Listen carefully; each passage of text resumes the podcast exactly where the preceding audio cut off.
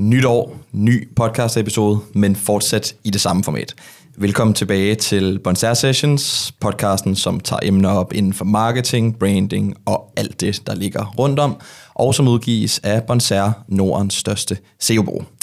Jeres vært, han har fået genvalg i det nye år. Jeg hedder stadig Frederik Thyssen og bliver igen i dag den ubetinget mindst vigtige person her i vores podcaststudie.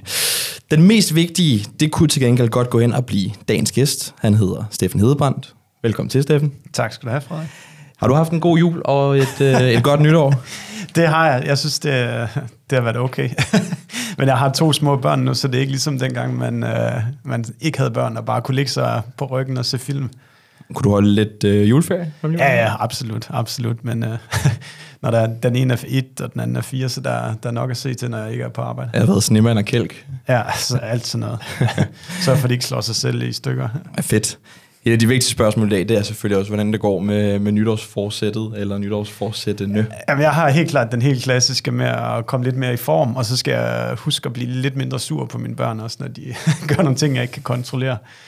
Øh, men min kæreste gav mig en billet til øh, Københavns Marathon i fødselsdagsgave her før jul. Og øh, det skal jeg ligesom til at have gjort noget ved at komme var, i form. Var det lidt en hentydning? Eller? Jeg ved det ikke, jeg ved det ikke. Men øh, nu skal jeg i hvert fald til at... Jeg har løbet maraton før, men det, det ligger før jeg fik øh, børn, så nu skal jeg til at, at tage mig sammen med træningen igen. Spændende. Jeg øh, skal helt sikkert ud af hæppe. Jeg kender også et stykker, der skal løbe, så jeg, du får også et, et woo fra, øh, fra mig. Det lyder godt. Øh, når vi nu har inviteret Steffen et i dag, så er det fordi, vi skal tale om B2B Marketing Attribution, og kommer derfor til at tale rigtig meget om, hvordan at B2B-virksomheder de skal arbejde med marketing, data, tracking, revenue operations, pipeline management og andre spændende ting relateret til øh, det emne. Og Steffen, bare lige til de lyttere, som ikke kender til dig eller Dream Data i forvejen, selvom det selvfølgelig er svært at forestille sig.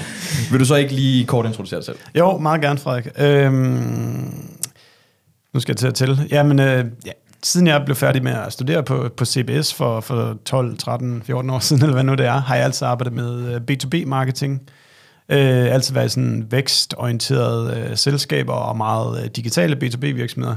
Så sådan alt, hvad jeg siger, der jeg er farvet af, at jeg kun har prøvet at være i B2B. De sidste øh, knap 10 år har jeg været sådan marketingsleder i B2B-virksomheder, som så alle de der buzzwords, du sagde lige før, er jeg mm. meget bekendt med, og har lavet masser af ting, der ikke virkede, og også lavet nogle ting, der virkede, og det vil jeg prøve at forklare folk lidt om i dag. Uh, Dream Data er en B2B uh, attribution platform, hvor vi hjælper vores kunder med at forstå deres kunderejser, sådan at de forhåbentligvis kan, kan gentage de ting, der virker, og stoppe med at bruge ting på de ting, der ikke virker. Uh, så, så dagens emne har jeg sådan daglig uh, masser af kontakt til. Spændende. Tusind tak. Og derudover så har jeg også en anden B2B-marketeer med i lokalet i dag. Han hedder Ulrik Svare. Han er CEO her hos Bonsair. Også velkommen tilbage til dig, Ulrik. Tak for det. Du slipper ikke i forhold til nytårsforsættet oh, okay. Um, jamen jeg tror, hvis jeg skal citere mig selv fra, hvad jeg sagde til min kæreste, så, um, uh, så sagde jeg, at min nytårsforsæt, det var, at jeg gerne ville have det mere sjovt. Uh, i, eller vil gerne lave flere sjove ting i uh, 2024. Uh, jeg tror, det måske også, altså nu har jeg det sindssygt sjovt herinde, og uh, har det altid sjovt, når jeg arbejder, uh, men jeg tror, at jeg kunne også godt tænke mig at, uh, og, og ligesom tvinge mig selv ud og lave endnu flere uh, ting, komme til flere koncerter, jeg elsker at komme til koncerter, Øhm, øh, øh, komme ud og rejse endnu mere. Øh, nogle af de ting, der måske ikke sker her på kontoret, selvom det også er sindssygt sjovt. Øh, så, øh, øh så, så tror jeg, at det min nytårsforsæt, det er at, øh, ikke at presse mig selv ud til nogle flere ting, men at, øh, at huske at prioritere øh, øh, de sociale aspekter øh, og de sociale aktiviteter, og ligesom få skruet op for det. Øh, Øh, fordi det er faktisk også, når jeg kigger tilbage, så er det også der, jeg ofte bliver mest inspireret i forhold til arbejdet. Øh, paradoxalt nok, når man slukker sin hjerne så jeg vil gerne slukke min hjerne lidt mere, så jeg kan tænde den på en bedre måde, tror jeg. Det kunne blive en spændende særudgave af et podcast-episode, vi kunne køre med, hvordan man bliver inspireret af at lave sjove ting. Så man sin hjerne. ja, præcis. Fedt. Øh, og nu, det er ikke for at smide dig under bussen nu, Steffen, men når jeg lige kigger på jer to, så synes jeg, at Ulrik, du ser et par år yngre ud end, øh, end Steffen, og grunden til, at jeg bare lige nævner det fuldstændig ud af kontekst, det er, at jeg også ved, at du har siddet rigtig meget med B2B-marketing lige siden, at du begyndte din karriere. Ikke sandt? Jo, Jo, altså, altså jeg tror, fra man starter i B2B-marketing, så ældes man jo med en faktor på 2x. så, så jeg har været i gang i 6-7 år nu her, øh, så, øh, så jeg er jo ældes 14 år siden. Øh, øh, så det, det, det, det er en smule mindre, men, øh, men nej, jeg, jeg, jeg har jo været i gang med øh, B2B marketing sådan på et seriøst niveau, tror jeg, siden, siden, siden at øh, vi startede Bonser øh, for seks år siden, snart syv. Øh, arbejdede også lidt med det inden, mere i sådan revenue-rolle, øh, øh, men, øh, men jeg vil sige sådan, har, har skruet virkelig meget op for det, siden vi startede Bonser. Så jeg tror formelt, vil jeg nok sige, øh, syv års erfaring. Øh, både for os selv, men jo også for øh, mange af vores kunder, øh, som jeg har arbejdet meget tæt sammen med. Præcis. Og sidder jo til daglig, øh, også blandt andet sammen med mig selv, og øh, tænker rigtig meget over, hvordan vi kan tiltrække øh, de rigtige kunder til vores øh, SEO-brug. 100%. Øh, hvor du nok sidder sådan lidt mere hands-on med øh, selve marketing, eksekvering. Mm. Øh, og jeg måske sidder lidt mere hands-on med øh, revenue operations og nogle af de mm. ting, der, der ligger til der. Så det er naturligvis også derfor, at øh, jeg har taget dig med. Øh, nu er det tredje gang i træk, du er med. Ikke fordi vi ikke har andre, der godt kunne være med, men... Øh, den koster os lidt over hver gang, ikke? det gør den. Nå, hvis vi skal prøve at tage lidt hul på tingene, Steffen, så øh, nævner du jo blandt andet, at du har et langt CV bag dig i forskellige marketingroller, særligt inden for øh, B2B-marketing. Måske det kunne være fedt bare at få sat lidt mere lys på, hvordan du kommer frem til at starte Dream Data, øh, og hvordan du også kom til den erkendelse af, at det var på tide at starte det på baggrund af nogle af de andre ting, du også lavede. Øh, ja, jamen det, det vil jeg gerne på at rulle igennem, og jeg tror, eller jeg håber, det er noget, som de fleste B2B-marketers kommer frem til, er, at øh, vi skal huske, at vi laver markedsføring, fordi at vores virksomheder skal tjene flere penge. Og når man sådan tager det spørgsmål i, i B2B, så begynder man sådan, det, hvad hedder det, det er sådan et øh, kaninhul, at Nå okay, så skal vi gøre den ting. Nå, det var ikke den ting. Når vi skulle, okay, der er, der er konstant flere flere flere lag i at forstå, hvordan, øh, hvordan B2B-marketing skaber omsætning. Øhm, jeg kan spole helt tilbage til der, hvor jeg startede, øh, da jeg blev færdig på CBS. Der joinede jeg sådan en øh, gut, som skulle bygge en, øh, hvad hedder det, internetplatform for sjældne musikinstrumenter. Sådan ligesom sådan, hvis vi tænker sådan en Just Eat-model, bare for mm. folk, der sælger gamle musikinstrumenter. Ukulele, eller... Guitar, og sådan noget vintage guitars og sådan noget. Uh, og der faldt jeg over den. Det var faktisk sådan, min første marketingskærlighed var nærmest SEO, tror jeg. Fordi der, vi havde sådan måske 10.000 instrumenter på det der website, og så skulle man finde ud af, uh, hvis der er en, der søger på sådan Gibson Les Paul fra 1978, hvordan sørger vi for, at det er vores guitar, der kommer op der? Og, øh, og vi gik ind i der, der var, det var sådan to år med meget lidt løn og sådan, lave en masse fejl Mange og prøve ting, der ikke virker dyre lærepenge. Men vi gik fra sådan 0 besøg om måneden ind til at, hvad kan man, sige, til at have sådan plus 100.000 organiske besøg per måned. Det var også dengang, man kunne se organiske søgeresultater inde i Google Analytics. Så mm. man kan snakke om, hvor, hvor gammel jeg er. det er lang tid siden. Det er næsten før en verdenskrig, det er jo. den, så, jeg tror, den korte historie er lang. Så sådan en virksomhed blev tør for penge. Øh, selvom at vi faktisk havde enormt stor succes, når det kom til SEO, men fordi vi ikke kunne overbevise de der butikker, som havde butikker inde på vores website, om at de skulle tjene, eller de faktisk, hvis vi havde sendt 1000 besøg videre fra vores landing page med den her Gibson Les Paul guitar over til dem, så kunne det godt være rimeligt, at de skulle betale os 40 euro om måneden, eller hvad nu det var. Mm. Øh, men det var det er så 10-12 år siden nu, øh, og dengang havde man endnu mindre respekt for online øh, besøg, end man har øh, i dag. Det var ondt i mit gamle CEO, ja.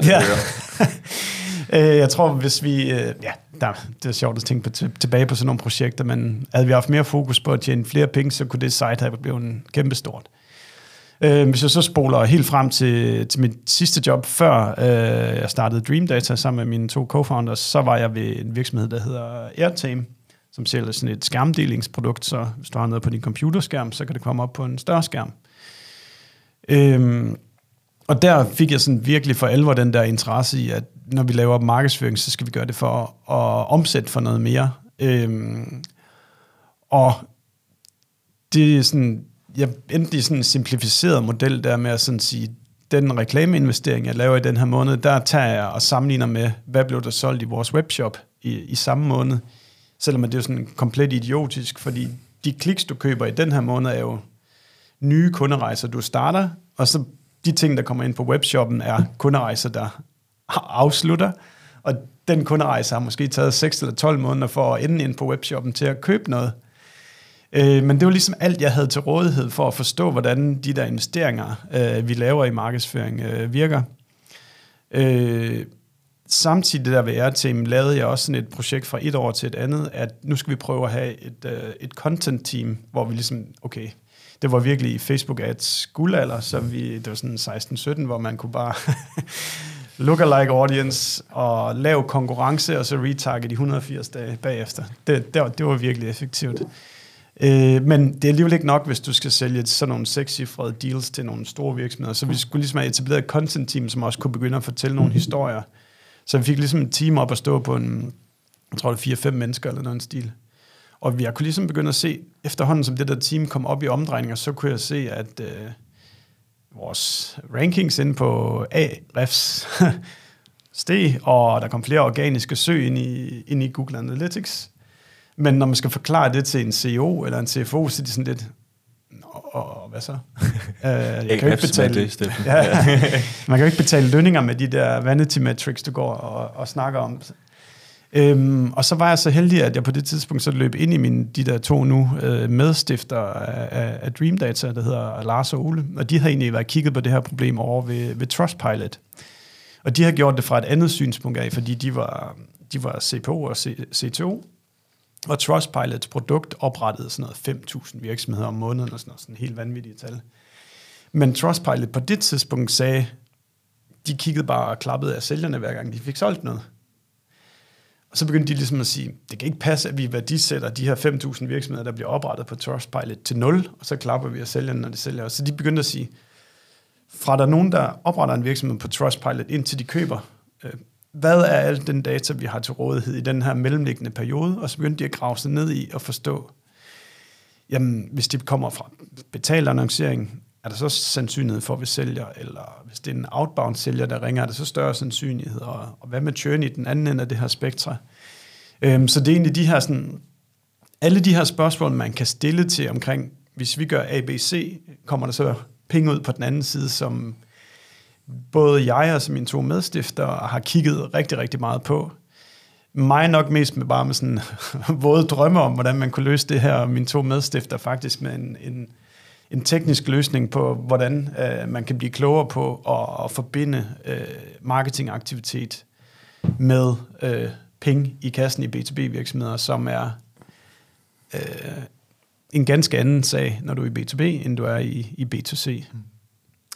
Hvordan er det så gået øh, siden jeg start? For jeg kan jo se, at I har fået en ganske flot funding, apropos penge, og løb tør for dem, og få investering, som du har nævnt også et par gange her i, i indledningen, og man ser jeg jo også omkring, og du bliver inviteret med i super vigtige podcast, ligesom ja, den her. absolut. Hvordan går det med forretningen? Jamen, det går godt. Øh, altså, det er jo klart, når man kører sådan en funding game her, så skal man også, man lægger nogle aggressive planer ud, og skal løbe rigtig hurtigt efter dem, og det har vi indtil nu lykkes med at, sådan, at kunne levere på, men det hele tiden, når man afleverer den der nye plan, så skal man lige sådan synke og krydse fingre og, sådan, og se, om det kan lade sig gøre. Men det går godt, og vi har er flere hundrede øh, betalende kunder af, af B2B-virksomheder. Det er typisk virksomheder, som er de mindste er omkring 50 ansatte, og så er det op til omkring 5.000 ansatte. Mm. Øhm, og dem hjælper vi egentlig sådan, man kan sige, hvis jeg kort skal forklare sådan teknologiskåbet, så er det ligesom at sige, hvad har den her virksomhed til rådighed af data, der rører kunderejsen? Og typisk så er det et CM-system, et marketing automation system, kundeservice software, alle de der ting, systemer, du har, der rører kunderne. Så er det aktiviteten på hjemmesiden, og så er det dit forbrug på reklamer. Alt det hiver man ind i et, øh, en database, ud af alle de siloer, de ligger i, og så laver man egentlig en kunderejse for hver virksomhed ned i den database. Og så kan man så begynde at sige, øh, den her SEO-artikel øh, var faktisk det første touch på en de- noget, der blev til en deal 6 eller 12 måneder senere. Og det er sådan nogle spørgsmål, vi prøver at hjælpe med at hvor, hvor, få vores kunder til at forstå. Vildt spændende. Ja. øhm, hvis vi skal prøve sådan at cirkle lidt tilbage til, øh, til emnet B2B Marketing øh, Attribution, så kunne jeg godt tænke mig, at vi også bare lige sådan får introduceret, hvad var noget af det vigtigste i 2023, og hvad er det også, som I begge to tror bliver sindssygt vigtigt her i øh, 2024? Vil du starte, Ulrik? Det kan jeg sagtens. Altså, jeg tror, det, det er jo måske også noget af det, vi er kommet ind på lidt i, i de forrige afsnit. Øhm, altså, den her snak omkring brainformance, altså, hvordan kobler du øh, dine performance-aktiviteter med dine brainingaktiviteter på en eller anden måde. Det er jo måske også lidt det, vi snakkede om, inden vi gik live her, at, øh, at, at, man, at, at det måske er utopisk, det her med at tro, at man kan måle alt. Altså, at jeg skal kunne måle, Frederik, hvis du har anbefalet et produkt til en ven, og han så køber deraf, så skal jeg kunne se et eller andet sted, at det var en fysisk uh, word of mouth, der gav den referral. Um, uh, så altså, jeg tror, det her med at på en eller anden måde lidt acceptere, hvad for en vej verden går, at Apple har en agenda, at der generelt set kommer mere, private, eller, eller mere fokus på privacy, øh, cookies bliver mindre effektive, øh, øh, og at man jo selvfølgelig skal på en måde omstille sig til det, men at, man, at det måske også stiller endnu større krav til, at det man så kan måle, og der hvor der er dataen til rådighed, og der hvor der er forudsætninger for at måle, som i min optik stadig er et ekstremt stort space, øh, at man gør det så effektivt som muligt. Øh, og det er også der, hvor jeg synes, at sådan noget som Dream Data er så sindssygt spændende, fordi at øh, øh, jeg bare ser rigtig mange, der ikke udnytter den data, der er til rådighed på en eller anden måde. Så jeg tror, at det her med at, at måske have sådan lidt et todelt perspektiv, og så sige, jamen, hvordan måler vi på alt det, vi ikke kan måle, og, øh, og sådan rent strategisk acceptere, at der er noget, man ikke kan måle, og have en, en approach til det. Øh, og så samtidig måske have en approach til, øh, hvordan man så måler det, man kan måle, og måske også lige sådan kigger sig selv i øjnene der og siger, gør vi det godt nok her, eller øh, bruger vi stadig den samme øh, single touch attribution model i Google Analytics, hvor vi egentlig bare afhænger af, hvad de definerer for os til at måle vores performance, og så er det det, der styrer vores øh, tracking. Øh, øh, for de har jo også, tænker du ved mere om, end jeg gør, Steffen, men de har jo også lige for nylig fjernet øh, for eksempel den her øh, first click i Google Analytics 4 som en mulighed, hvilket er, synes jeg, et ret kontroversielt valg. Øh, hvorfor gør de det? Øh, de er jo også biased. Altså nu arbejder vi meget i Google generelt set.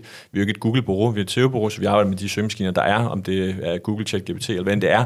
Øh, men, men, øh, men det her med at læne sig for meget ind i en udbyder, som har, som jo også har en agenda, øh, og stole alt for meget på den data, tror jeg også kan være farligt. Så det her med ligesom at tage de her to skridt tilbage og sige, hvordan kan vi måle vores marketing øh, på en måde, der er lidt mere øh, unbiased. Fordi hvis du går direkte ind i annonceplatformen, hvis du går ind i LinkedIn, hvis du går ind i Facebook, hvis du går ind i Google, så har de et ansvar over for deres aktionærer om at vise så meget performance som overhovedet muligt. Øhm, og der har de alle mulige disclaimers og måder at, at lave estimater på frem og tilbage. Øh, men du får ikke det sande svar, for hvis, at hvis du laver en sum på det, du ser i Facebook, det du ser i Google, det du ser i LinkedIn øh, og alle mulige andre steder, så, den, så den sum er højere end det, du ser i din forretning og det, du ser i øh, dit øh, CRM-system. Øhm, og der synes jeg, det er ekstremt interessant at kigge på nogle af de her øh, tools, der ligger så ovenpå, for eksempel sådan noget som Dream Data. Øhm, øh, øh det kan jo også være sådan noget som HubSpot, som jo også ligger så lidt ovenpå. Uh, men øh, men det, det tror jeg sådan er mit take på, det er, at man skal være ekstremt opmærksom på, hvordan øh, verden ændrer sig, og måske også øh, øh, forholde sig til, øh, hvordan de her platforme, man måler i, hvordan teknologien egentlig fungerer der. Øh, måske, Steffen, at du så, inden du giver din State of Attribution 2024, mm-hmm. lige kan male for os og lytterne nogle af de sådan, gennemgående tendenser, temaer, der har været sådan, i attribution-verden de seneste par år. Fordi Ulrik, Ulrik tager, ja, og du skal ikke gå for meget i detaljer, men, ja. men Ulrik tager jo lidt hul på det i forhold til... Du har sagt, det er en 6 timers version, det har ikke Frederik. Ulrik tager lidt hul på det i forhold til øh, Google Index 4, øh, og generelt bare alle de, øh, de, de større ting, der også er sket på, på den front.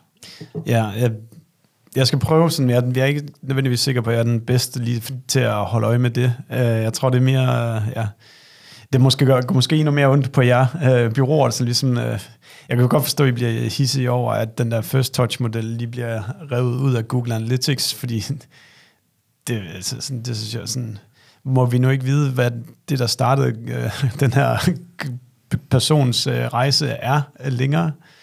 Det, og det er sådan, som for mig i marketing, så er det ligesom det, vi gør. Vi skal foran nogle mennesker, hvor, som ikke kender til os, og så skal vi vise dem noget relevant information, og så skal de komme til vores websites, eller hvad nu vi har, og så skal de blive kunder ved hjælp af, at nogle sælgere taler med dem, eller du laver nogle retargeting banner senere, eller hvad nu det er. Så det første touch for mig er sådan ekstremt vigtigt.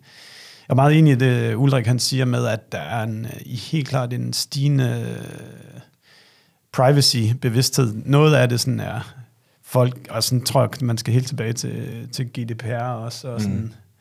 Eller helt tilbage. Ja, seks ja, men år det siden, 17 eller år hvornår nu, nu det Ja. kom, men det har gjort, at virksomheder i stigende grad bliver bevidste om, at vi kan ikke bare sådan være helt ligeglade med mens, eller folks rettigheder med deres persondata, og den trend, synes jeg egentlig bare, jeg ser stige, at folk bliver mere og mere bevidste om, at du skal have consent til at tracke, og du kan ikke bare... Der er sådan nogle teknologi, en tracking-teknologi, der hedder fingerprinting, som starter med at track dit device, før du overhovedet øh, er- har accepteret cookies og sådan noget. Det, den går bare ikke, hvis du øh, laver forretning i, i Europa. Øhm, Nå, ja, attrib- attribution. Ja, jeg tror, jeg synes, i, i det hele taget ser jeg, og du var lidt inde på det også, Ulrik, at jeg synes, en, der er en positiv udvikling i, i B2B-marketing, at man bliver mere og mere bevidst om, at vi skal altså ikke bare lige lave det, vi lige synes, og tage de, de konferencer, der ligger de steder, vi synes, der er fede, eller bruge de reklameformater, som vi selv er passionerede omkring. Vi skal faktisk til at lave vi skal til at måle os selv på samme måde, som sælgernes outbound team måler sig, at vi skal, vi skal booke møder, øh, som bliver til salg, og det kan de gøre i, i outbound teamet, og de kan fortælle dig, hvad det møde koster at producere. Det skal vi egentlig også til på en eller anden måde at kunne gøre i, i samme måde i, i hvert fald i B2B-marketingsverden, det forestiller mig lidt det samme i, Enig. i, i den anden, øh, anden ende, af, ende af B2C og B2B. Øhm, ja, hvad ellers hisser folk så op over med attribution? Så jeg tror også sådan, øh, for os har det, det her med, øh, at der har været det her skift omkring privacy, der har været en, en stor, folk bliver også bevidst omkring, hvad er førstepartsdata egentlig, og hvad er tredjepartsdata også. Og det tror jeg måske i virkeligheden er nok den største ting, jeg kan se, er, at det lige, går lige pludselig op for en, at øh, de ting, Google Analytics skriver, det der står ligesom for Googles regning, og de har ikke, som du siger, Ulrik, det er jo ikke for, det, det er jo også for din skyld, men Google ejer ligesom den data, og de kan begynde at sample den data, når de har lyst til det. Og det der med at tilgå dataen, det er det faktisk ikke nødvendigvis sikkert, du kan, fordi det ligger egentlig på en af Googles server, som de ejer, og du ejer ikke den data. Så jeg tror, man kan se, at alle virksomheder begynder mere og mere at blive bevidst om, at alt data, det er egentlig noget, vi skal samle, og vi skal eje ned i et data warehouse, og så kan vi lave vores analyser på det. Mens det der med at sådan stole på, at Facebook nok skal passe på det, eller jeg har hørt nogle af de der slemme byråer, de, de slemme byråer, de ejer reklamekontorerne, det tror jeg ikke, det er ikke noget, I gør, men sådan, man skal blive meget mere bevidst omkring uh, de der, al den data, vi producerer, det er faktisk noget, vi skal eje, og ikke noget, som, uh, mm. som alle de der store virksomheder skal eje. Så hvad, hvad er det helt konkret, der så er galt i, at man i 2024 for eksempel måler sin attribution i både Analytics, HubSpot, Salesforce, en perlerække af de her systemer, som Ulrik også nævnte før? Der, der er sådan set ikke noget galt i at bruge de der kan man sige, on-platform metrikker, som de har til rådighed. Man skal så bare lige være bevidst om, at hvis vi er en B2B-virksomhed, så har de ingen fucking idé om, hvad der sker, efter de har solgt dig klikket. Ingen. Der, nu lavede vi nogle benchmarks sidste år, hvor der tror den gennemsnitlige kunderejse var 192 dage fra, fra første touch af.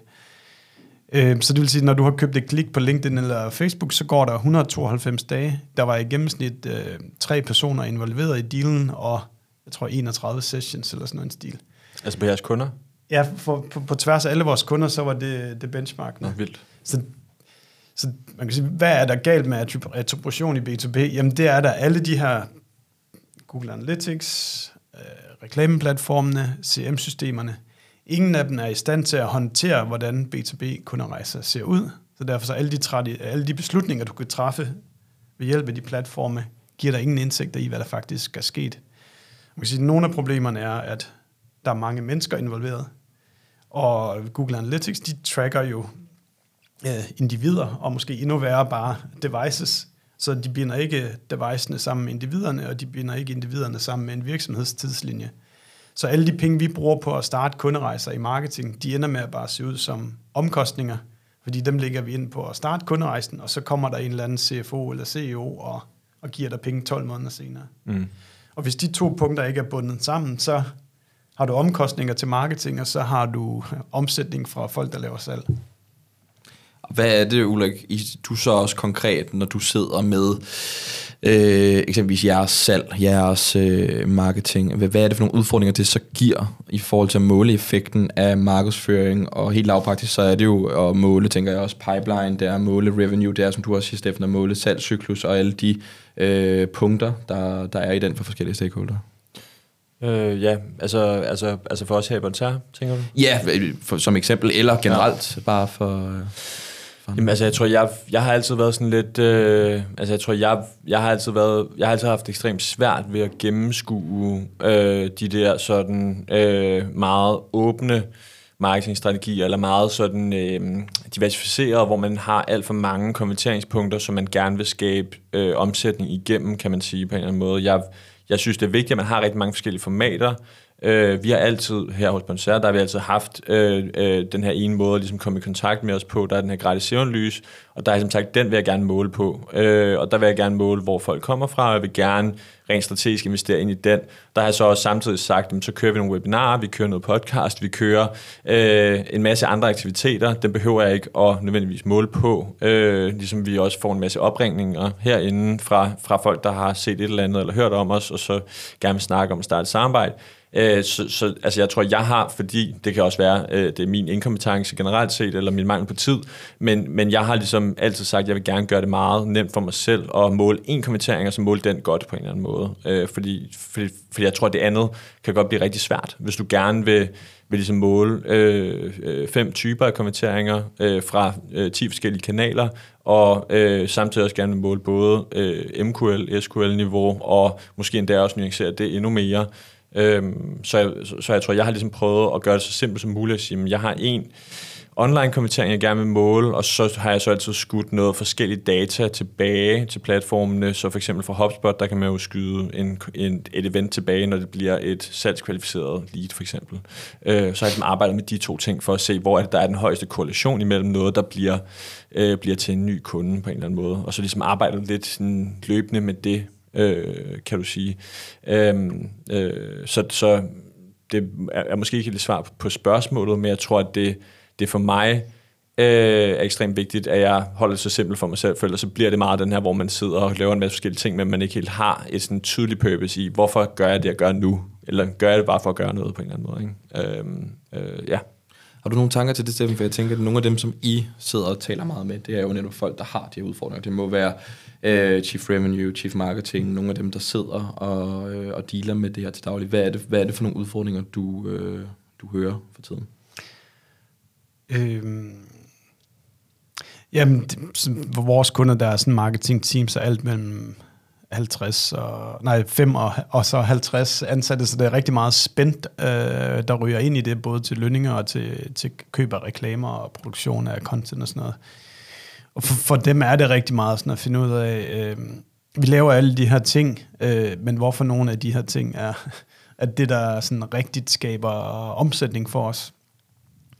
Og det kan også være, hvis vi tager sådan Google Search øh, ads, så det sådan, det kan godt på overfladen se rigtig positivt ud. Hvis man så lige åbner kassen, så er der 3-4 kampagner, der er rigtig gode, og så 70 procent af dem er, er, er rigtig dårlige. Og så handler det om ligesom at få identificeret, hvor er det, vi, hvor er det, vi spilder pengene, og er der nogle kanaler, vi tydeligvis kan, kan flytte pengene ind i, som, som virker.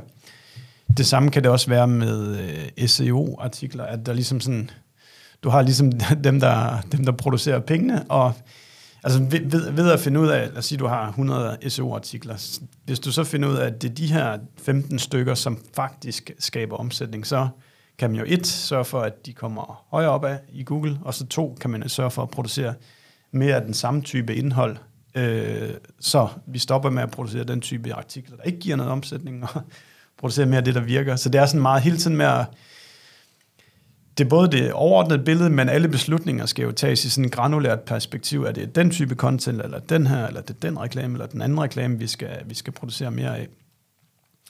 Øh, og jeg tror særligt, når vi kommer op i de større virksomheder, så bruger de så mange penge på, på markedsføring, og de kan øh, blive så meget mere effektive. Så det er sådan meget det, vi, vi hjælper folk med at forstå.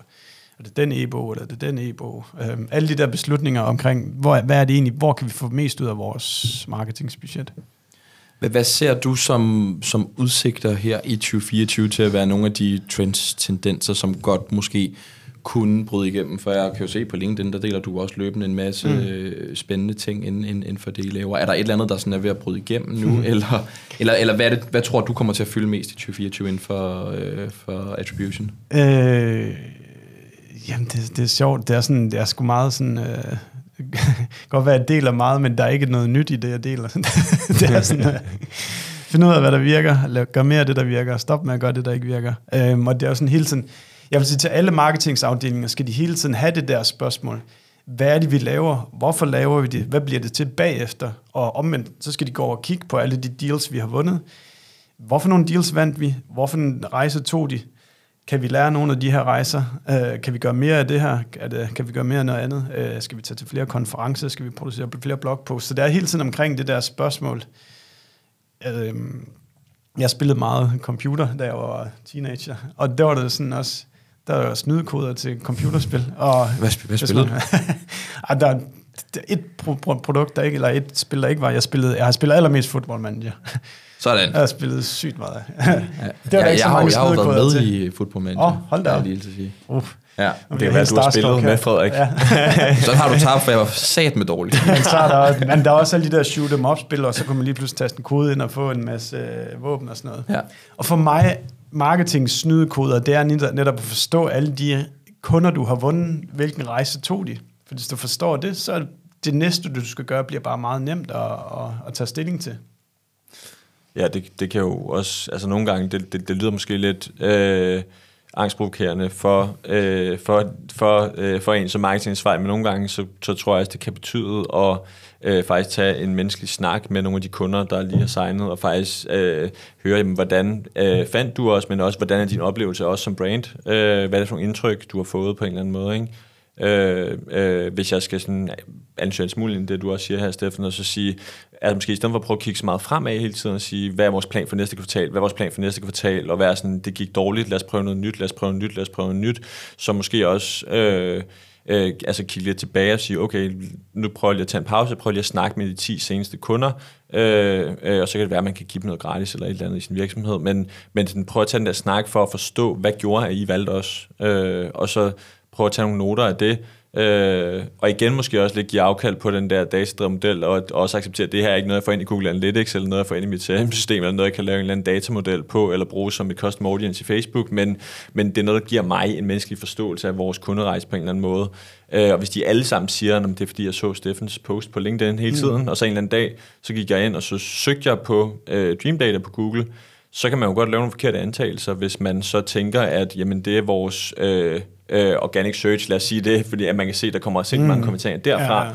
Øh, øh, hvis man kan se, jamen løftet, der har været, øh, hvis man kører en god SEO-strategi, vil man altid få mange kommentarer fra Organic Search, men øh, i det her eksempel, så vil der være et, et, et, øh, et, et løft, fordi at du laver ting på LinkedIn, som man altså, ikke nødvendigvis kan måle. Det er en mega god pointe, Ulrik, at det, vi kan, hvis vi lige glemmer alle de der fancy dataprojekter, man kan lave, så er der jo sådan nogle gode gammeldags ting, som at hver gang I har et salgsmøde, så spørger man bare lige, jamen, hvor hørte I egentlig om os første gang? Og så skriver man lige det ned.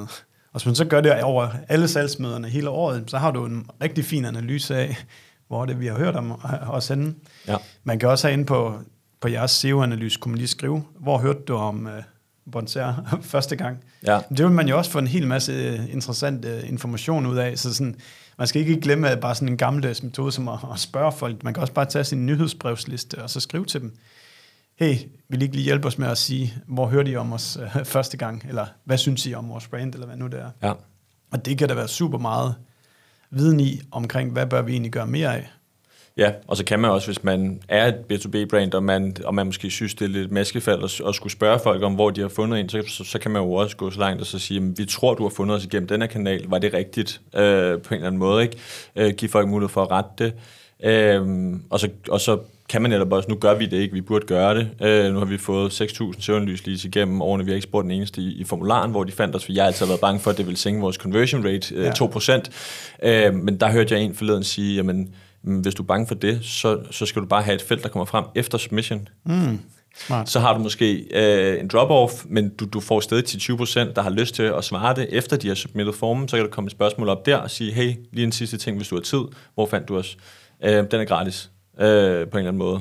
Øh, og det tror jeg, nu har vi jo Mads her siddende bagved. Øh, det tror jeg også, jeg skal have en snak med ham om bagefter. det skal vi lige have, øh, øh, have lavet, for det giver bare, altså det giver den der menneskelige indsigt. Ikke så meget, øh, hvad er det for nogle marketingkroner, der har påvirket den her person, men mere, hvad er deres, hvad er deres opfattelse på en eller anden måde. Og det, det tror jeg skulle også siger noget øh, et eller andet sted. Øh, når det så er sagt, så er der også mange mennesker, tror jeg, der ikke kan huske, altså jeg tror ikke, at vi som mennesker generelt kan huske hele vores kunderejse, så man vil også være sindssygt farvet, øh, når man giver det svar. Øh, så, så jeg vil stadig sige, at man skal have den datadrevne model. Øh, vi skal også i gang med Dream Data herinde, ved jeg. Øh, øh, men, men, og, og den kobling kunne, jeg godt tænke mig, øh, jeg vil gerne i gang med det, den kobling kunne, kunne jeg godt tænke mig, Frederik var sådan, ja, ikke, hvad, det, har, det har vi ikke snakket om, men, men, men at lave kobling mellem det ultra datadrevne, hvor det er presset helt ud til, hvad kan man teknologisk og compliance-mæssigt, koble det med det, det meget menneskelige. Øh, det, det, det tror jeg at ja. er en vigtig vej frem. Det var, vi lavede faktisk sådan en test af øh, den deres hvad hedder det, formular ved siden af demokaldet, hvor der stod, hvor har du hørt om os hen.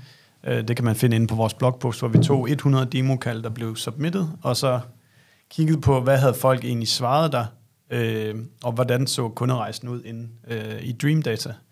Og det var sådan, de fleste kunne overhovedet ikke huske, hvordan de var blevet loopet ind i, i din verden. De kunne godt fortælle nogle anekdoter omkring, hvorfor noget content havde så gjort indtryk senere hen, men mange kan ikke huske, hvordan de egentlig startede med at komme ind i, i, i din verden. Og sådan, den anden ting, vi så også fandt ud af, var, at, sådan, at få det der dejlige, udførlige svar i formularen, er også lidt af en uh, enhjørning. Altså, det er ikke særlig tit, folk skriver, jo, vi har hørt først jeres podcast, og så så jeg på den her konference, og så, så søgte jeg på Google Ads, og så trykkede jeg på den der ads, og sådan, det sker ikke særlig tit. Nej. Øh, men jeg vil stadigvæk sige, at for det første, det er helt gratis, og måske risker du en lille smule drop-off på din form. Men den lille smule drop-off, du får, det tror jeg stadig vil blive opvejet af al den viden, du får af og, og, og hvis en person dropper off af det spørgsmål, ja, var det så altså, så godt lead på en eller anden måde, ikke? Ja. ja giver god mening. Jeg, så jeg, jeg, jeg synes, vi tager lidt hul på snakken om sådan den perfekte attribution, og altså, jeg tænker, det kedelige svar er selvfølgelig, at den findes ikke, eller mm. det, det er i hvert fald svært at finde, men, men, men hvordan kan man så lave den? Fordi du, du nævner også et par gange, at altså, der er jo stadigvæk rigtig mange interactions, som der ikke kan måles i forhold til word of mouth, dark social, en, en masse andre øh, komponenter. Hvordan er det så, man øh, best practice så går, går til the perfect attribution. Skal jeg starte? Ja, den, den, den ligger mest til dig, tror jeg. Ja. du lige får lidt tænketid. Ja. Altså, jeg har svaret på det spørgsmål mange gange. Ej, jeg tror, der er, der er ligesom to typer aktiviteter. En type aktiviteter, som er nemmere mål, og så er der andre typer aktiviteter, som er svære mål. Øh, og pointen er nok, at man skal ligesom måle aktiviteten på, for, på den måde, det tillader det. Så sådan ting som øh, klik på reklamer, besøg på hjemmesiden fra SEO, øh, jeg mødte den her person til den her konference, solgte vi til ham senere. Alle de der ting, som er meget kvantitative, dem skal man være helt vildt god til at, at måle og veje værdien af, sådan at, så man kan træffe de mest rationelle beslutninger, man kan. Hvis man så tager kassen af ting, som er svære at bevise, det kan være, at der er nogen i et Slack-community, der nævner Bonser. Jeg har tit set jer nævnt i Facebook, eller LinkedIn-kommentar, Øh, men sådan nogle ting, dem skal man opbygge sådan et kvalitativt grundlag for at sige, at det virker. Og det, altså, det er måske helt så simpelt som, at hver gang at man ser de der ting, tag et screenshot, læg det ned i en mappe, og bliv ved med at tage de der screenshots. Altså sådan, at hvis I 20 gange om måneden kan tage screenshots af nogen, der nævner, ja, det her podcast, vi sidder og laver nu, men er det så en god idé at lave? Ja, det tror jeg ikke, der er nogen, der stiller spørgsmål ved så. Så sådan helt kvalitativt, så også sådan noget, alle sådan anekdoterne, som sælgerne kan tage med tilbage, jeg spurgte kunden om det, og kunden svarede, at de havde hørt om os her og her. Altså dem skal man samle på, og ligesom også bygge op som noget, man kan, kan understøtte sin sådan, beslutningstagning øh, med. Så de ting, der kan måles og vejes, de skal måles og vejes, og det er de ting, der er sådan svære at have med at gøre. Øh, tag screenshots, fortæl anekdoter, hvad nu man kan gøre. Sørg for at samle den viden øh, et andet sted. Og når det så kommer til den der den kvalitative bunke, så skal man nok også typisk tænke det som, at man ser kun toppen af isbjerget af den værdi, øh, det har skabt, fordi det er ikke nødvendigvis, at folk skriver det direkte i en LinkedIn-kommentar, jeg anbefaler Bonserre til SEO. Det foregår måske mere ind i DM'en mellem to øh, ja. mennesker, eller over en øl, eller hvad nu det er.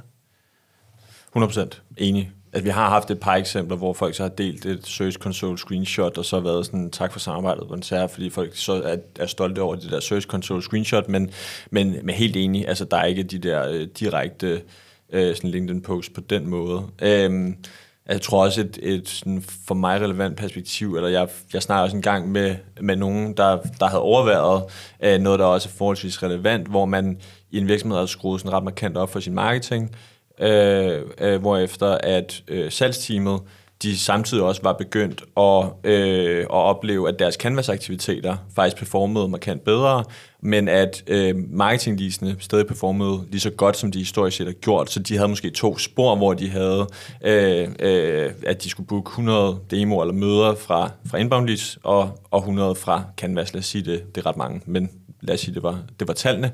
Øh, der oplevede de så i den periode, hvor de virkelig sat gang i deres marketing, at de begyndte at performe 30% bedre på deres canvas, øh, og de så ikke en tilsvarende løft i deres marketing, så de gravede ned i, hvad er det, vi er begyndt at gøre i vores canvas-kald. Der er, altså, der, er, er det et nyt script? Øh, er det træningen? Hvad er det, der gør, at vi er blevet så effektive herover? Øh, lad os ansætte flere SDR's, øh, mødebookere i vores Canvas-team. Lad os skrue ned for vores marketing, øh, fordi vi kan se i tallene, og det er jo sådan lidt en klassisk, der kaster jeg så måske mig selv under bussen, men det er jo sådan lidt en klassisk øh, CEO-analyse, at være sådan, ja, altså jeg kan se det herover. Det her er billigere, det er bedre, det her er det dyrere, det er dårligere, lad os skrue op for det, der er billigere og bedre.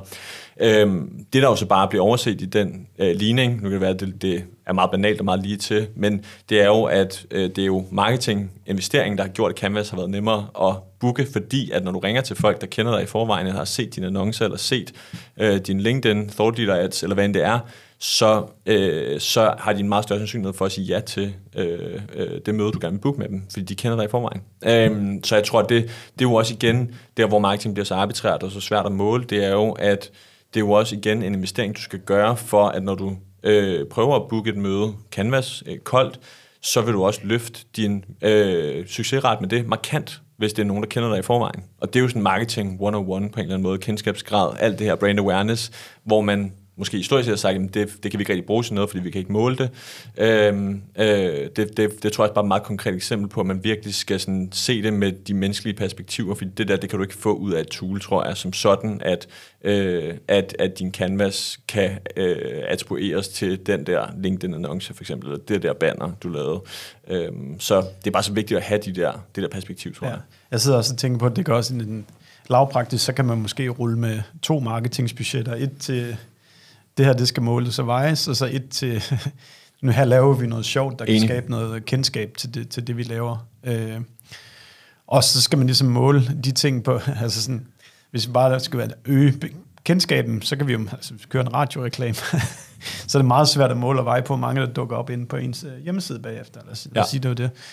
Men så skal man måske sådan ligesom bare spille efter de metrikker, som den der aktivitet, man nu øh, har kastet sig ud i, den, den tillader. Øh, og nogle af de der, det man i gamle dage ville kalde brand-reklamer, de er ikke altid lige til at måle og veje, men de er måske stadigvæk vigtige, fordi de planter det der frø, der om et år øh, bliver til et, øh, en SEO-analyse, som så bliver til en kunde tre eller seks måneder endnu senere. Ja, det er det. Ja, eller den person, der sidder og lytter med her, som måske er i gang med at læse på CBS, ligesom du var, øh, starte en virksomhed om tre år, øh, en B2B-virksomhed, øh, og, øh, og, så, øh, og så gerne vil måle øh, øh, øh, sin marketing performance i mellemtiden, er I måske blevet 10 gange større, ja. øh, men så går man jo selvfølgelig til jer, fordi I har ligget top of mind øh, i hele den periode på en eller anden måde, ikke? Og den bliver svært for dig at retfærdiggøre øh, øh, ja. internt, at øh, det var den podcast med Bonser, der gjorde, at vi nu fik den her øh, nye kunde på. Ikke? Ja, men jeg tror sådan, uanset hvad man gør, sådan, hvis man lige skal være sådan lidt marketing generelt, så det der med at få defineret sin ideelle kundeprofil der, var så hyper vigtigt at, at få gjort, fordi hvis vi har defineret, hvem er det præcis, vi skal ramme, så kan vi jo skyde med 20 forskellige aktiviteter, men vi ved i hvert fald, at den er fokuseret på den her specifikke type virksomheder, som vi gerne vil tiltrække. Og det tror jeg, det, det at vi er meget bevidste om i, i vores virksomhed, er, at hvem er det, vi skal tiltrække. Det gør, at alle andre beslutninger bliver meget nemmere, fordi vi kan sige, okay, den her konference er vores ideelle kundetype, der det her podcast vil vores ideelle kundetype lytte til den. Øh, det her søgeord vil vores ideelle kundetype bruge det øh, på Google. Så hvis man sådan tager et skridt tilbage fra, hvorfor nogle aktiviteter, så det er at hvis I sidder og lytter det her, og ikke har en vedtaget ideelle kundetype i jeres virksomhed, så skal I stoppe med de marketingsaktiviteter, I laver nu, og så begynde at definere det først.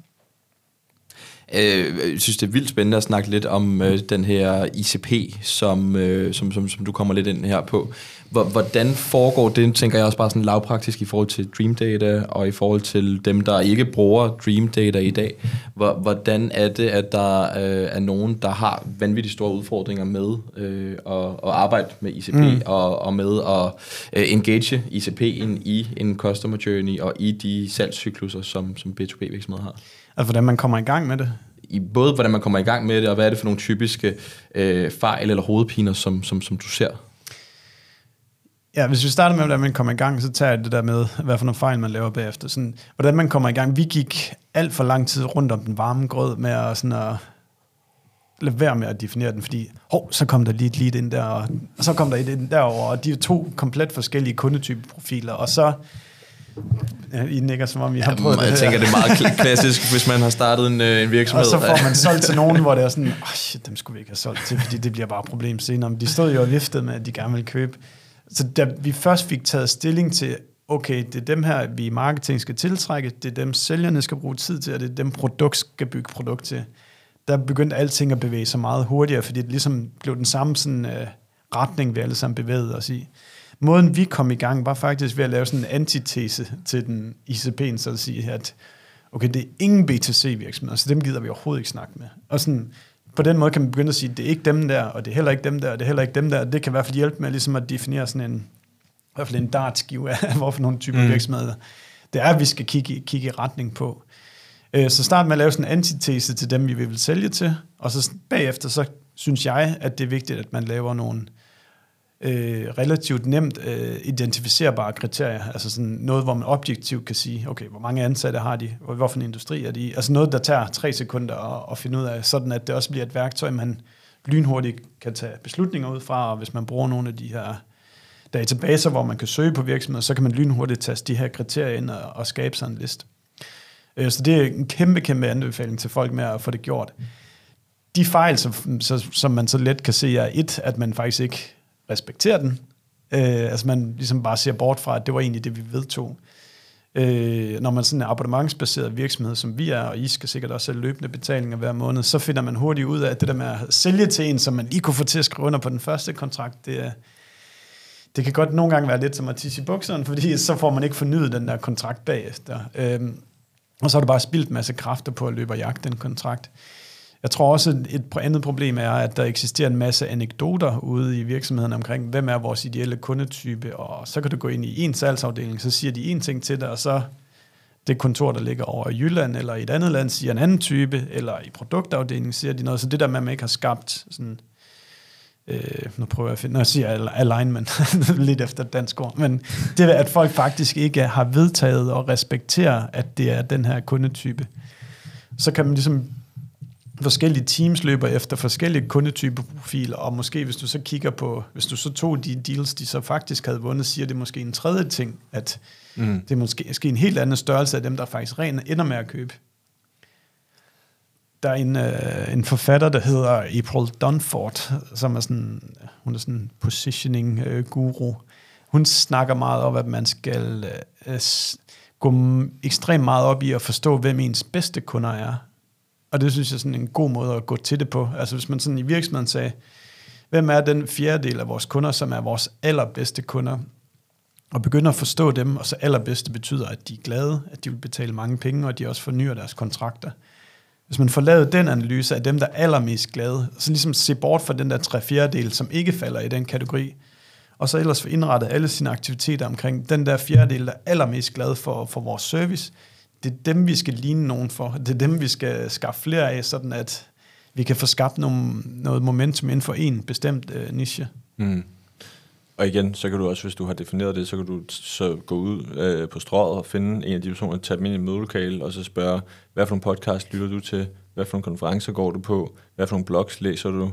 Alle de der ting, og så kan du på en eller anden måde tilrettelægge dine aktiviteter rundt omkring den person på en eller anden måde. Mm. Tænker jeg også, ikke? Altså, at den er jo også, det gør det bare nemmere på en eller anden måde, ikke? Helt klart, det er det der, hvis stedet for man skal øh, sådan være noget for alle i verden, så skulle du bruge sådan et Coca-Cola marketingsbudget. Mens hvis I har ligesom valgt at sige, okay, lad os tage alle tech-virksomheder i København, som har rejst mere end 10 millioner kroner i funding, jamen så er der nogle bestemte konferencer, de går til, nogle bestemte podcast, de lytter til, øh, nogle bestemte mennesker, de snakker med. Og sådan. Og ja. På den måde kan man være meget til stede for nogle meget få mennesker. Ja. Ja, og for de få mennesker virker det måske også til, at du er meget til stede for alle på en eller anden måde. Ikke? Mm, de øh, tror jo, fordi det er deres verden, at de ser der hele tiden, at alle må der kende til, til det her bureau. Ja, jamen 100 procent. Jeg synes, det er et vildt spændende sted, at den her snak den er gået hen, for jeg tror alle, der har øh, har været på, på virksomhedssiden, øh, de har prøvet det her med, at man har sagt ja til en kunde, man ikke skulle have sagt ja til, men at det selvfølgelig var passende, når der er nogen, der gerne vil være kunde i ens forretning. Ja. Altså, det er jo noget af det allersværeste. Det er at sige nej og stå fast på, hvem er vores ICP, og hvem er det egentlig, vores produkt er de bedste til. Og nu kigger jeg også øh, dig meget dybt i øjnene, Ulrik, for det er jo en snak, vi to har haft gentagende gange også. Jeg kigger også dig dybt i øjnene. Øh, I løbet af de sidste mange år. Og øh, ikke at jeg tror, at vores ICP har ændret sig markant, men jeg tænker også, det er noget det, der er vildt sjovt og meget lærende i processen. Og nu kigger jeg, ja. jeg er begge to meget dybt i øjnene, ja. som stifter af virksomheder øh, begge to, at, at det må være noget af det, det mest spændende at se, sin ICP ændre sig undervejs, og se, hvordan ens produkt faktisk matcher til øh, nogle specifikke kunder mere end nogle andre. Det er også noget, der giver grå hår, hvor du ligesom tror, nu har jeg regnet noget, det er dem her, vi skal sælge til, og nu sagde du, nu kom der corona, så, ja. og e-commerce skulle ikke rigtig bruge de der 2021-tal til så meget øh, Nej, alligevel. Øh, der kan vi igen måske lige tage over til, og så plukke ind til sådan attribution. Det er jo også noget med at forstå, hvad er så kunderejsen for dem, som passer, nu snakkede jeg om den fjerdedel bedste kunder, i stedet for at analysere alle kunderejserne, så skulle vi måske bare spørge de der, den fjerdedel af de allerbedste kunder at forstå, hvor hørte du om os hen, og hvad tror du var første gang, du så os? Og så forsøge at gentage det. For mig er attribution bare at forstå, vi skal forstå vores kunderejser, og så forsøge at skabe flere af kunderejser for dem, vi gerne vil have til at, til at blive kunder. Ja, det er, jo, det er jo på en eller anden måde et lag, der, der lidt sådan ligger ovenpå, eller der, der giver dig en forståelse af de strategiske beslutninger, du træffer, hvor at, at jeg synes lidt i diskursen, at nogle gange så kan det godt lidt blive det centrale, hvor folk så kigger ned i deres attribution, eller ligesom kigger på en platform som Dream Data, og siger, at hvis, hvis bare vi køber den, så løser det alle vores problemer, så kan vi bare sætte gang i vores ads, og så ved vi, hvad vi skal tænde og slukke på en eller anden måde, ikke? hvor at, øh, at, at det er det jo også, men som, som jeg også lidt hører dig sige her, så er det jo på en eller anden måde, det hele starter jo ved det strategiske, øh, øh, sådan øh, basale marketingarbejde, ikke? som er det her med at definere din ICP, det er der ikke noget tool, der kan gøre for dig. Øh, øh, heller ikke ChatGPT, øh, øh, tror jeg. Og så det her med at forstå, hvad er deres menneskelige adfærd i det år, vi er i nu, i den tidsalder, vi er i nu på en eller anden måde, så tilrette sig det. Det er jo også der, hvor jeg også har set, I har jo kørt øh, sindssygt meget sådan organisk med, så har lavet et outdoor øh, banner i New York, og så postet det på LinkedIn, og øh, ligesom repurposed det på en eller anden måde, og det kunne I sikkert også snakke om på en podcast mm. på en mm. eller anden måde. Ikke? Så den der ene kreative idé bliver jo bare på en eller anden måde øh, øh, måske hele jeres organiske marketing for et helt kvartal, men igen, den havde du ikke kunne trække ud af et tool på en eller anden måde, eller trække ud af en datadrevet øh, øh, Google Ads-kampagne, kan man sige. Mm-hmm. Det er jo ligesom sådan en menneskelig, kreativ idé, som måske også kommer nogle gange ud af nogle jokes, eller kommer ud af, af det der klassiske marketing på en eller anden måde. Ikke? Ja, jeg tror, sådan, jeg tror man skal lave alle de ting, som ens intuition egentlig siger, eller man skal prøve, det skal man egentlig teste af, men bare teste af for meget små øh, budgetter, og sådan, hvis det koster, det der displaybanner på Times Square, det kostede 500 dollars for et døgn. Ja. Øh, ingenting overhovedet, men det var sådan, okay, hvis vi taber, så har vi tabt 500 dollars, så, så who cares? Men altså, man, når man så, så får ligesom respons fra virkeligheden til, hvad er det egentlig for noget content, som folk uh, engager med, så kan man jo så i dag heldigvis tage det og flytte ind i nogle steder, hvor man faktisk kan måle det. Så, så man kan ligesom kombinere det der med, at alle jer kreative marketer, altså I skal egentlig bare gå ud og lave det, I har lyst til, som jeres intuition siger, I skal lave. Men gør det nu for små budgetter, indtil vi får valideret, at det her det er top content. Ja. Og hvis du så har identificeret det, jamen så flyt det ind på Facebook og LinkedIn, og hvor nu ellers du gør det, hvor du kan måle og veje alting bagefter. Præcis. Ja, der kan du så bruge øh, Dream Data, eller bruge noget tilsvarende til så at måle effekten af det på en ja. eller anden måde. Ikke? Altså, øh, men, men at det starter måske et andet sted på en eller anden måde. Ikke? Øh. Men jeg tror, du er helt ret i, at sådan, øh, det starter med en strategi og en plan for nogle aktiviteter, du udfører. når vi så snakker attribution, så kan vi så kigge på, okay, nu har vi udført vores plan. Øh, hvad kom der ud af kunder på den anden side? Og hvorfor nogle af aktiviteterne skal vi gentage, når vi ligger øh, næste års plan? Nu kommer du lige med nogle gode råd til øh, marketingansvarlige, blandt andet, tænker jeg, øh, ja. og på, hvordan man kan begynde at udforske øh, arbejdet med eksempelvis øh, attribution. Hvis vi skal prøve at gøre det lidt mere avanceret, for nu synes jeg, vi har talt en del om customer journey ja. og øh, salgscykluser og øh, B2B-markedsføring og, og så videre. Hvis vi skal snakke øh, øh, multitouch attributionsmodeller, single-touch ja. attributionsmodeller, hvordan er det så, at man også kan begynde at lege lidt med det, hvis vi skal prøve at give lidt en, en, en use case ja. eller, eller to? Nå, ja, så er vi nødt til at gøre det lidt mere teknisk. Ja, det er det, det er det, det, er det. Men punkt et er, at attribution-modellen er det sidste, du skal gøre. Fordi det første, du skal gøre, det er egentlig at samle så meget data, du overhovedet kan skaffe omkring kunderejsen. Fordi hvis du lægger en attributionsmodel første eller sidste touch, eller hvad nu du gør, ned over en kunderejse, som er 7% af hele rejsen, så det du kan uddrage den, chancen for, at det sender dig i en forkert, forretning, eller forkert retning, er bare kæmpe, kæmpe, kæmpe stor. Så først skal du have et dataprojekt, der hedder, lad os få al viden, vi har omkring kunderejser, puttet ind i et data warehouse. Og så skal du rydde op derinde, sådan at du har, lad os sige, det var bonser i vores database, så har I klikket lidt på vores nyhedsbrev, og I har I er måske inde i vores CM-system, og I har måske klikket lidt på nogle reklamer, og alle de her touches ligger i forskellige siloer nu. Dem skal jeg hæve ud af alle siloerne, sådan at jeg har en tidslinje over alle jeres aktiviteter et sted. Og det så involverer sig både Frederik og Ulrik og flere forskellige mennesker herinde. Så punkt et, hvis vi snakker B2B-attribution, er, at du skal have, øh, du skal have etableret sådan en, vi kalder det en account-based, øh, en virksomhedsbaseret tidslinje. Du skal ikke kigge på individer, fordi i B2B sælger vi til, til teams af mennesker i stedet for.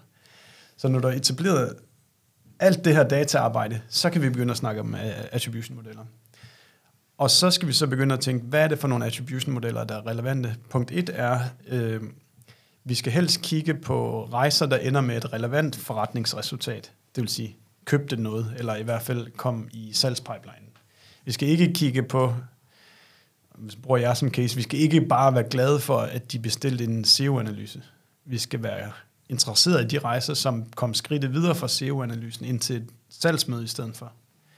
Så når vi så har, nu har vi isoleret dem, som blev til relevante forretningsresultater, så kan man så sige, okay, hvorfor en attributionsmodel skal vi så prøve at forstå de her kunderejser med? Jamen, jeg personligt synes, at øh, første touch er mega interessant, fordi kan jeg begynde at finde nogle ting, som jeg åbenlyst kan gentage, som ender med at blive salgspipeline eller new business. Det synes jeg er mega interessant. Så sådan hele den her lange historie skal ligesom til for at sige, du skal kun analysere ting, der ender med relevante businessresultater, og ikke kun sådan noget, hvor mange e-mails kan jeg samle. Så når du har de relevante businessresultater, så synes jeg egentlig, at alle attributionsmodellerne øh, er spændende.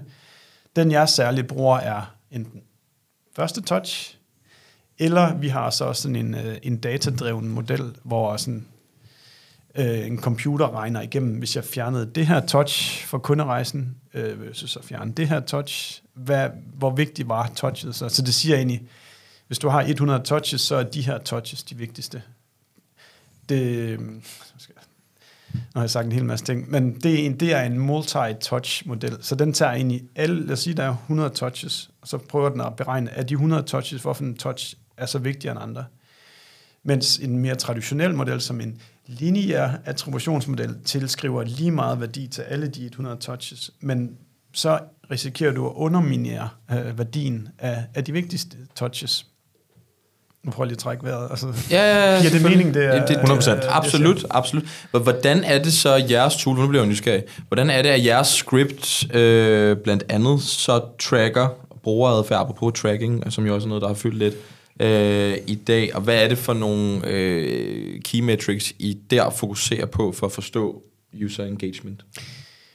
Ja, nu siger du script, så det, i en B2B-virksomhed, så er der, det, et er, websitet er mega vigtigt, men der er også alt den anden data, der sker ude i systemerne. Men hvis vi tager scriptet specifikt, så har vi sådan et tracking script, der sporer, hvor kom du fra, hvilke sider øh, kigger du på, mens du er inde på websitet.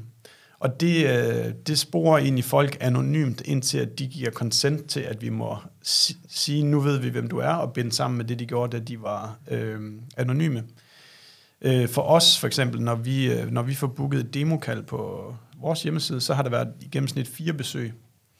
Øh, scriptet, det begynder at optage, hvad du foretager dig anonymt, hele vejen hen til den der fjerde eller femte session, før du submitter demoformen. I den fase er du bare en eller anden anonym ID i vores database, hvor der står, at du har været her fire gange, du er kommet herfra, herfra, herfra, og du har fortsat de her ting. Og det første det øjeblik, at formen bliver skubbet igennem, at vi siger, nu må jeg sige, at det var faktisk Frederik fra Bonserre, som kom helt tilbage her første gang. Og hvorfor er det vigtigt? Jamen det er vigtigt, fordi at næste gang du kommer på hjemmesiden, så skriver du måske dreamdata.io i Google, Præcis. og så kommer søgeopslaget frem, og så går du ind på hjemmesiden. Og de to sidste sessions er måske bare, nu kommer det faktisk også frem i din browser, og så trykker du bare enter, og så står det direkte. Hmm. Og så sidder vi også marketers der og har startet kunderejsen, men inde i HubSpot står der, når det var en, der kom direkte, og så bookede et demokald. Ja, og så har du øh, så potentielt til CEO'en, der hvordan skalerer vi direct traffic, Ja. Steffen? Ja, kan vi få mere af det? Ja. Præcis, det, er lige præcis, det var det, jeg sagde til at starte med, at alle de her systemer, de har faktisk ikke nogen særlig god forståelse af, hvad er en B2B-kunderejse. Mm-hmm.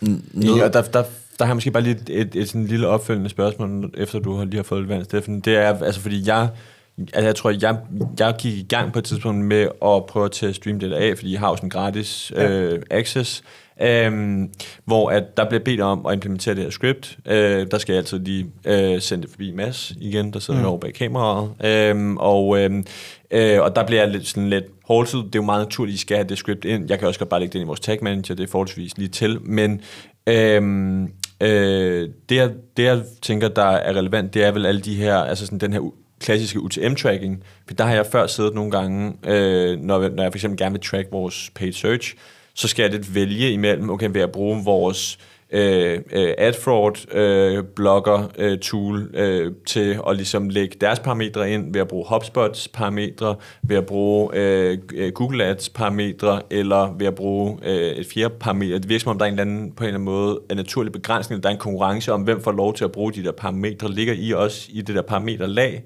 eller tracker I udelukkende med sådan en pixelagtigt lignende script? Ja, nu sådan lige, der, lige før vi krasser der, hvor jeg ikke kan, kan følge med længere. Men hvis man tager øh, sådan et traditionelt klik for en Google Search Ad, så kommer det her, den her Search Ad med et klik-ID ind på din hjemmeside, ja. Som sidder på, på brugeren. Og det klik-ID noterer vi egentlig bare ned på den der anonyme brugerprofil, der står, okay, han kom herfra. Okay. Øh, og det samme med øh, altså sådan UTM, så stil- stadigvæk sådan hypervigtigt, at du skal ikke sende noget ud af din, du skal ikke gøre noget som helst uden for din virksomhed, uden at sætte UTM's på, fordi det er ligesom det, der sådan kan hjælpe dig med at guide, okay, vi sendte det her, nu går ud fra, at I sender en nyhedsbrev. Mm. Der må ikke være et link i det nyhedsbrev, uden et UTM, der ligesom siger, okay, den her bruger ankom den her gang fra nyhedsbrevet med et UTM på, fordi så ved jeg i hvert fald, okay, i den her session blev den aktiveret af den her. Ja. aktivitet. Jeg har sendt tonsvis af nyhedsbrev i min tid, hvor jeg har glemt at sætte UTM's på, men det gør så også bare netop igen, okay, så steg direct igen, og så sidder man, oh, hvad fanden, hvor kom det egentlig fra? Yes. Øhm, så UTM på alting, og afhængig af, hvilken reklameplatform det er, så er de gode eller dårlige til at hjælpe øh, virksomheder som os med at forstå, øh, hvor klikket øh, kom fra. Ja. Ja, og så tror jeg, måske et øh, sådan, øh, sidste, eller det, det er måske også mere bare en tilføjelse et spørgsmål, men altså, vi har jo altid brugt HubSpot. Altså, de har jo det der, øh, de har jo nogle forskellige attribution øh, modeller. Det er jo både nede på hver sådan, øh, øh, hvad hedder det, øh, kontakt og på virksomhedsniveau, hvor du kan se first click, og du, du kan ligesom zoome ind på det. De har også nogle forskellige attributionsværktøjer derinde, og så har de også lavet det her ads-værktøj, hvor du også kan måle ROI og sådan noget. Jeg synes, jeg har ikke set et eksempel endnu, hvor den måler det rigtigt, men, men, øh, men, men hvorfor skal man øh, bruge Dream Data frem for at at bruge det på en eller anden måde? Altså mm. er der noget sådan øh, teknisk eller sådan en, en forskel der? Fordi de virker jo lidt i modsætning til noget det, jeg snakkede om tidligere. Så har de måske ikke de samme, øh, øh, de har måske ikke den samme agenda i at promovere deres egen performance, fordi de har de ikke en advertiser på samme måde, hvis det giver mening. Ja, det er sådan et godt battle card spørgsmål til vores, øh, vores sælgere også. Øhm, der er sådan flere forskellige, sådan, der er, der, der, i B2B-verdenen, der er der rigtig mange, som har Salesforce som CRM-system, ja. og så HubSpot som marketing automation system. Mm. Og hvis du har det, så har du ligesom sådan det re- relevante forretningsresultat, er ligesom ikke inde i HubSpot, så du kan ikke rigtig måle aktiviteten op imod det rigtige forretningsresultat. Yes. Så der er sådan et, øh, hvis du snakker sådan multi-tech stack scenarie, så alle de men- B2B-virksomheder, som har en tech stack med alle mulige forskellige værktøjer, det er HubSpot ikke særlig god til at integrere og skabe kunderejser ud af. Mm-hmm. I det tilfælde, hvor du faktisk har bygget dit website i HubSpot CRM, CMS, øh, og du har HubSpots tracking set op og form submits og sådan noget, det kører, så øh, kan det HubSpot også godt være, være et fint værktøj en, en vis del af vejen. Du kan ikke rigtig lave noget øh, granulært ind i HubSpot, som at sige, hvad er det for en keyword fra Google Search Ad, som led til den her konvertering. Jeg er ikke sådan mm. ekspert på det. Og det samme sådan, nej, ja. Så jeg tror, jeg, I må ringe til os, og så skal vores sælger nok tage sådan endnu mere så, så. Som jeg hørte, så øh, HubSpot er sådan lidt måske et godt begynderniveau, hvis man lige har startet en B2B-virksomhed og gerne vil komme i gang med noget attribution, og Jeg så også, det- Dream Data er måske lidt den, man så lægger på senere hen, eller hvordan? Ja, men jeg tror, HubSpot er rigtig godt, rigtig langt hen ad vejen. ja. Øh, men du kan, hvis nu du vil tilgå dataen i HubSpot i Data Warehouse, så er det heller ikke muligt. Nej. Nej, det er sådan, øh, ja, så der, der er mange detaljer. Ja. Når de her tiden, den er flot afsted. Helt vildt. Og øh, jeg synes, vi har været rundt omkring rigtig, rigtig mange spændende ting. Jeg kunne rigtig godt tænke mig, at vi bare lige til sidst ganske kort, begge to, lige koger det ned til øh, det bedste råd, for nu har vi både talt lidt til den gamle marketingansvarlige, der har rigtig god erfaring med attribution-modeller, jeg synes også, vi er kommet ret godt øh, op i helikopterperspektiv til de nye og måske lidt mere uerfarne. Men hvad er, sådan, hvad er det bedste råd, når det kommer til attribution og, og cross-channel tracking, som vi jo nok også skal kalde det i, i 2024? Jeg kan starte hos dig, Ulrik. Øh, jamen, jeg, jeg tror, jeg vil, vil måske gentage mig selv, og så, og så sige, at man, at, at jeg tror, man endnu mere end, end før måske skal, skal, skal ligesom, øh, prøve at lukke sin computer, tage et stykke papir frem, og så øh, prøve at lidt også sådan tegne, tegne ud og mappe ud, øh, øh, hvad, hvad er min plan egentlig? Hvad er det egentlig, jeg gerne vil? Og hvad er det, jeg skal opnå? Øh, og hvad er mine hypoteser? Øh, og... Øh, og også for at låne lidt af Steffen her, øh, så, så hvem er min ICP? Nogle af de der helt klassiske ting, som, så, som jeg tror lidt bliver, bliver glemt, fordi der er så mange muligheder for bare at gå ind i Facebook og lave en, lave en annonce, klik, klik, klik, eller Google med PMax, klik, klik, klik, og så er du i gang på en eller anden måde. Lige sådan tage et par skridt tilbage og sige, hvad det er, jeg skal opnå, hvad tror jeg vil virke som øh, marketingansvarlig i den her virksomhed. Øh, og, og, og så ligesom bygge på en eller anden måde en strategi ud for det, lave nogle antagelser, og så måle på det løbende med teknologien på en eller anden måde, øh, frem for bare at sige, jeg er bare et menneske, og teknologien er bedre end mig på en eller anden måde. Det, det, det, det tror jeg bliver det centrale, samtidig med, at man også måler, hvad vil jeg måle på en menneskelig måde, og hvad vil jeg måle med teknologi, øh, som vi jo også lidt har snakket om. Så det her med at huske det menneskelige perspektiv, tror jeg, øh, i sin marketingstrategi, både i starten, men også løbende. Øh, og det her med, at alt skal ikke kunne måles. Og så det, der skal, eller det, der kan måles, det skal man til gengæld også måle, så godt man overhovedet kan det var mange forskellige ting på en gang. Ja. Øh, bup, bup, bup, bup. Øh, jeg tror sådan, sådan et bredt fagnende anbefaling er bare at virkelig hver gang I vinder en kunde i jeres virksomhed, snakke om, hvordan fik vi den her kunde. altså blive ved med at, det er ligesom sådan en muskel, man træner, altså sådan, okay, hvordan er det, vi vinder vores kunder, og blive ved med at grave ned i det spørgsmål, og sådan, til at starte med er det måske meget overfladisk, I kan forklare det, men så er, der, så er der en, der siger, hey, inde i HubSpot er der noget, der hedder Original Source. Lad os prøve at kigge det felt der. Så finder man ud af, at okay, det er måske også fejlbehæftet. Så, så skal vi måske begynde at spørge kunderne på møderne. Men det essentielle er sådan at interessere sig for at forstå, hvordan vi har vundet vores kunder, og blive ved med at sige til sig selv, at vi laver markedsføring, fordi at vi skal sælge mere. Og hvis du sådan er i de der to ting, så bliver du forhåbentlig dygtigere undervejs til at forstå, hvad er det egentlig sådan, når vi snakker attribution, altså sådan, hvad er det, vores kunderejser øh, kommer af.